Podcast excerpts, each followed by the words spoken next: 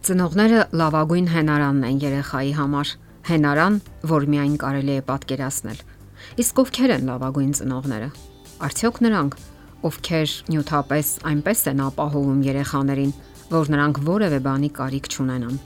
Նյութականն անկասկած կարևոր է, սակայն ոչ այնքան, որ փոխարինի փոխհարաբերություններին եւ ծնողական ջերմ եւ առանց պայմանի սիրուն։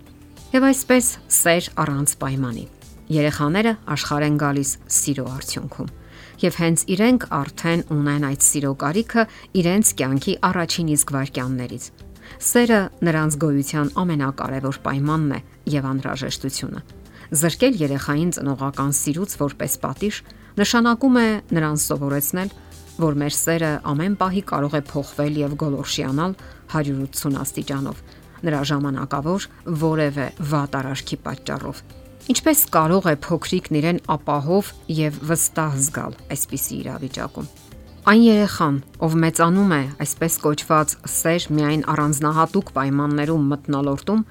իր մեջ վիրավորանք եւ կասկածամտություն է կուտակում, մեղավորություն, ամոթ եւ վստահության պակաս է զգում։ Առանձնահատուկ պայման ասելով նկատի ունենք այն իրավիճակները, երբ ծնողները դրական ու բարյացակամ վերաբերմունք են դրսևորում այն ժամանակ, երբ երեխան իրեն լավ է պահում կամ դրական գնահատականներ է ստանում։ Հակառակ դեպքում նա չի տեսնում ծնողի անվերապահ ու առանց պայմանի սերը։ Այն ինչի կարիքն ունի երեխան, դա հստակությունն է։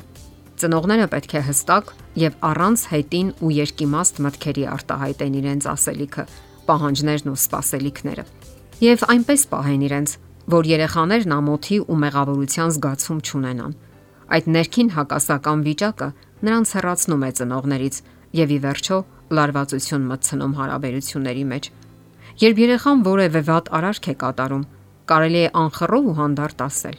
Ես ոչ մի դեպքում թույլ չեմ տա քեզ, որ կատարես այս արարքը։ Ահա լավագույն հակազդեցությունը եւ հարկավոր է արձագանքել անմիջապես։ Եթե պահը բաց եք թողնում, արդեն ուշ է պետք է սпасել հաջորդ հնարավորությանը։ Անհրաժեշտ է նաև երեխայի կյանքի առաջին գիտակից պահերից սկսած կարգապահական դասեր տալ նրան։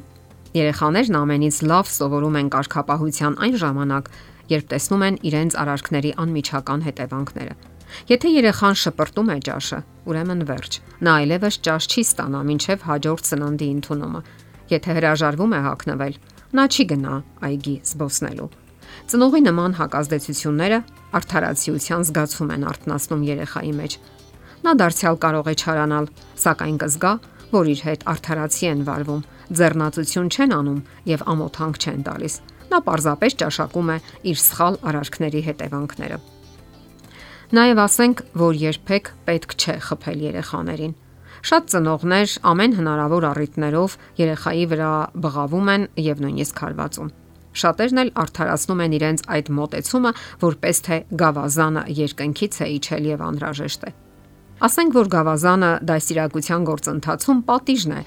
որևէ բանից զրկելու առումով կամ միջոցով։ Իհարկե, հնարավոր են իրավիճակներ, երբ ծնողների նյարդերը տեղի են տալիս, սակայն դրանք կարող են բացառություններ լինել, այլ ոչ կրել parberakan բնույթ։ Միշտ հիշեք, որ դուք լավագույն հենարանն եք երեխայի համար, նրա կյանքի բոլոր փուլերում Նույնիսկ այն ժամանակ, երբ նա արդեն հասուն անznավորություն է, նույնիսկ մեծահասակներն են որփության զգացում ունենում, երբ իրենց կողքին այլևս չկան ծնողները։ Երբ փոքրիկը սովորում է քայլել, մի քանի մետր հեռանում է ձեզնից, նա արագ աշխատում է հետ վերադառնալ։ Իսկ երբ ավելի շատ է հեռանում, դարձյալ հետ է վերադառնում։ Միշտ պետք է այդպես լինի։ Նա պետք է միշտ որոնի ձեզ։ Երբ սովորում է նկարել, սпасում է ձեր հիացական հայացքին ու ժպիտին։ Երբ սովորում է կարդալ, 20 անգամ պատրաստ է կարդալ նույն պատմությունը, որովհետև մայրիկը կարող է ոչ թե 20, այլ 50 անգամ լսել այդ նույն պատմությունը։ Երբ ֆուտբոլ խաղա, նրա միտքը կլինի տրիբունան, որտեղ կորոնի ձեր հայացքը։ Երբ հիվանդանա, ձեզ կզանգահարի։ Անկամ երբ մեծանա ու շատ ուժեղ լինի, կարող է գլուխը դնել ձեր ուսին ու լացել առանց ամաչելու իր զգացմունքների համար։ Երբ նա հասունանա եւ նրա կյանքում հայտնվի իր զավակների մայրը, դուք կշարունակեք մնալ նրա ծնողը։ Դա կյանքի անուրանալի օրենքն է, հարատև ու ամփոփող մի երևույթ, ինչպես արեգակը։ Ամենագլխավորը, որ պետք է իմանա ձեր զավակը իր կյանքի առաջին իսկ վայրկյանից այն է, որ նա միշտ ձեր սրտում է։ Իսկ մնացածը, ինչպես ասում են, այսպես թե այնպես կտրվի նրան։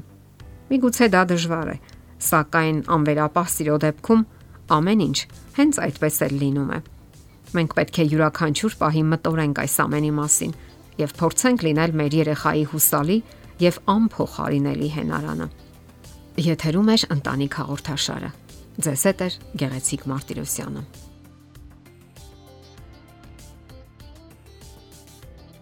Հարցերի եւ առաջարկությունների դեպքում զանգահարեք 094 08 2093 հեռախոսահամարով։ Հետևեք մեզ hopmedia.am հասցեով։